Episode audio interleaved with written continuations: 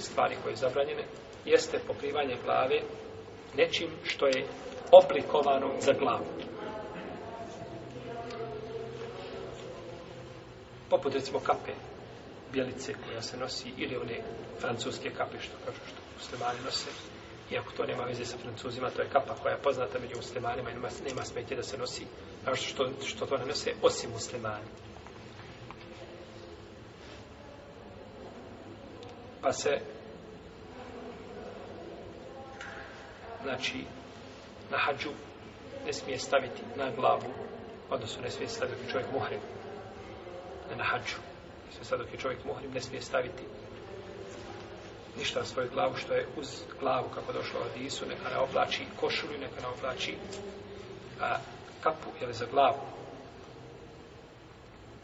no, međutim ako nađe nešto drugo čime će se pokriti svoju glavu e, u smislu e, da stavi kišobran ili da se sakri negdje ispod drveta i slično tome u autu da bude, to ne smeta. To ne smeta. Jer imate ljude koji dođu na hađi, voze se u oni kabri autobusima, bez krova. Smatrajući da ne smije se ništa imati iznad glave. U redu, prihvatamo. Samo nas čudi kako se došlo avionu. Što je se stavili kabri avion. Je li red? Znači, to se odnosi na stvar da se stavi na glavu nešto što je uz glavu.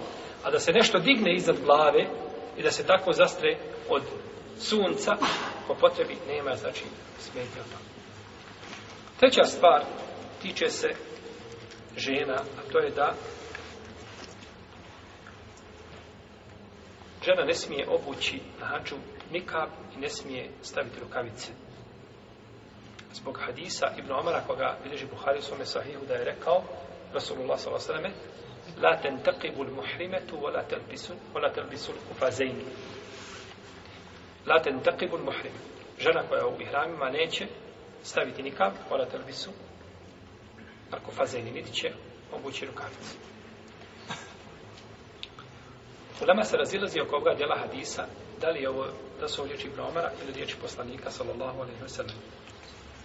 To je poznato kod hadijski sušnjaka kao a, ta'arudu al-wokfi wa rafa.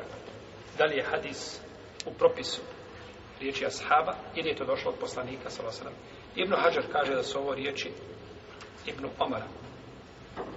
U svakom slučaju to je razrženje među islamskim učenjacima. Ali džumhur uleme, izrazista većina uleme, kažu da žena ne smije staviti nikab na hađu i da ne smije staviti rukavice. Dok hanefijski učenjaci i neki šafijski i neki malikijski dozvoljavaju to. Dozvoljavaju.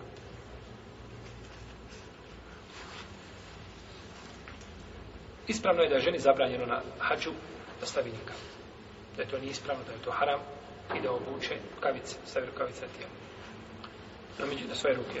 No, međutim, To ne znači da je zabranjeno pokriti lice. Jer poslanik sallallahu alejhi ve sellem kada je rekao: "La tentaqidu al-muhrima" žena koja je muhrim neće staviti nikav. Nije rekao da ne pokriva lice. Poslanik sallallahu alejhi svaki harf koji kaže je odmjeren najpreciznijom vagom koja se ne može vjeriti, te riječ se mogu vjeriti, vjeriti ni vagom za zlatu. Znači, to, su, to je svaki harf je precizan. Pa nije rekao La tuqatti al-muhrimetu vajheha žena u hrama neće pokrit lice, nije tako rekao, nego rekao, laten taqibun muhrime, neće staviti nikav. Znači, cilja je šta? Pokrivanje lica ili nikav? Nikav. Pa žena ne smije staviti nikav, zato što ovaj, nikav znači prijune uz lice, znači biva ovaj, uz lice samo, stoga ga neće staviti. A ista, isti je slučaj, znači, sa rukavicama. Što ne znači da ne može staviti platno, ispustiti ga. Znači da bude nešto i samo da pada ovako. Što mi kažemo je himar danas u, u, ovaj, u običajnom pravu, iako je himar u šarijetu marama, mahrama. To je himar.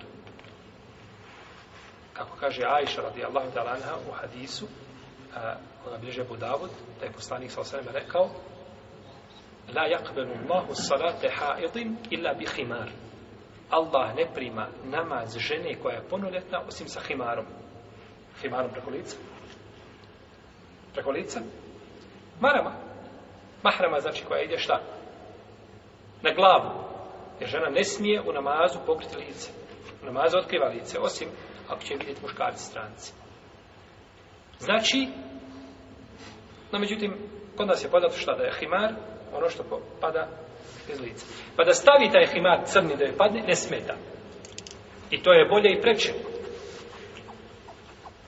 Ali nikab ne smije, ne smije znači staviti nikab. I to je stav džumhura u leme.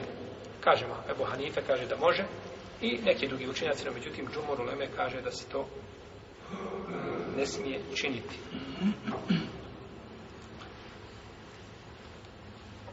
Po mišljenju učenjaka četiri pravne škole. Žena koja je u ihramima može staviti nikab. O, može staviti, e, može pokriti lice. Svi Ne znam da ima ikakvo razilaženje među njima. Nikoliko je zrno gorušice da je neko rekao da žena u ihramima ne može pokriti lice. Čak neka ulema navodi konsensus pravnika po ovom pitanju. Kažu, svi se slažu da može pokriti lice, samo nečime. Nikavom. Osim Ebu Hanifom kaže da može nikavom. Iako kod ovoga, znači kod pitanja hađa postoje blaga razilaženja, po tome je pitanju kod neke ulema. A što se tiče mimo toga, nema nikakve sumnje, nema nikakvog razilaženja među lemom da je nikav sunnet u najmanju ruku. A kod jednog dijela učenja kada je nikav vađi da se mora staviti. Pa propast je ljudima zaista, i to je dovoljno, njima sramote na dunjaluku, koji ovaj kažu da je nikav haram ili da je nikav ovaj, nema veze sa šarijatom i sliče o tome. I onda kada ga upitaš zašto je nikav haram, kaže ja, ehi, čovjek se preruši u ženu, stavi nikav, uđe u banku i opečka banku. I zato je šta? I zato je kriv ko? Kriv je šerijat. Pa treba jedan dio šerijata maknuti zato što ljudi je zlopotrebi. Kada mi neko na hađu nešto uradio i ubio 300 hađija ili, ili, ili, ili 10.000 hađija, ćemo kazati, nećemo hađi obavljati zato što šta? Može pogledati 10.000 muslimana. Pa ako tako dođe do posta da se nešto desi, ili do, do, do, hoćemo tako ukinuti šarijat? Pa nije problem u nikabu, nego je problem u zakonu. Pa tako, kad zakon legitimi lopovu da krade, i kada ukrade, nema mu kazne adekvatne, nego mu je kazna da bude pritvoren 24 sata i da plati 6 maraka takse i da potpiše da više neće da iziđe, ali više ne mogu i hraniti u zatvorima, teški su im. Nakon toga je pusti i opet ono da je opljačka sutra dar. I smije se još onome koji ga hapsi u facu, kaže ništa mi ne možeš jer znam sva svoja prava. Pa znači nije problem u nikabu, nego je problem u zakonu koga primjenjujete, jer ne znate adekvatno kazniti, zato što ne primjenjujete zakon Allahov te barak je odala, koga je objavio da ljudima da popravi njihova stanja i na dunjalu i na hiratu. Pa da iziđe kao primjer da mu cijeku ruku zbog krađe ili zbog tačke, ili da bude ovaj kažen na adekvatan način i da bude primjer ljudima da se to uradi na trgu glavnom da svako vidi, vidimo se kako toga ne bi bilo. No, međutim, kada nema zakona, koga je uzvišenje Allah objavio, onda se dešava ono što se dešava. Pa onda ljudi šta rade, onda krive šerijat. Onda krive šerijat. A uzvišenje Allah najbolje zna čime se može popraviti stanje ljudi.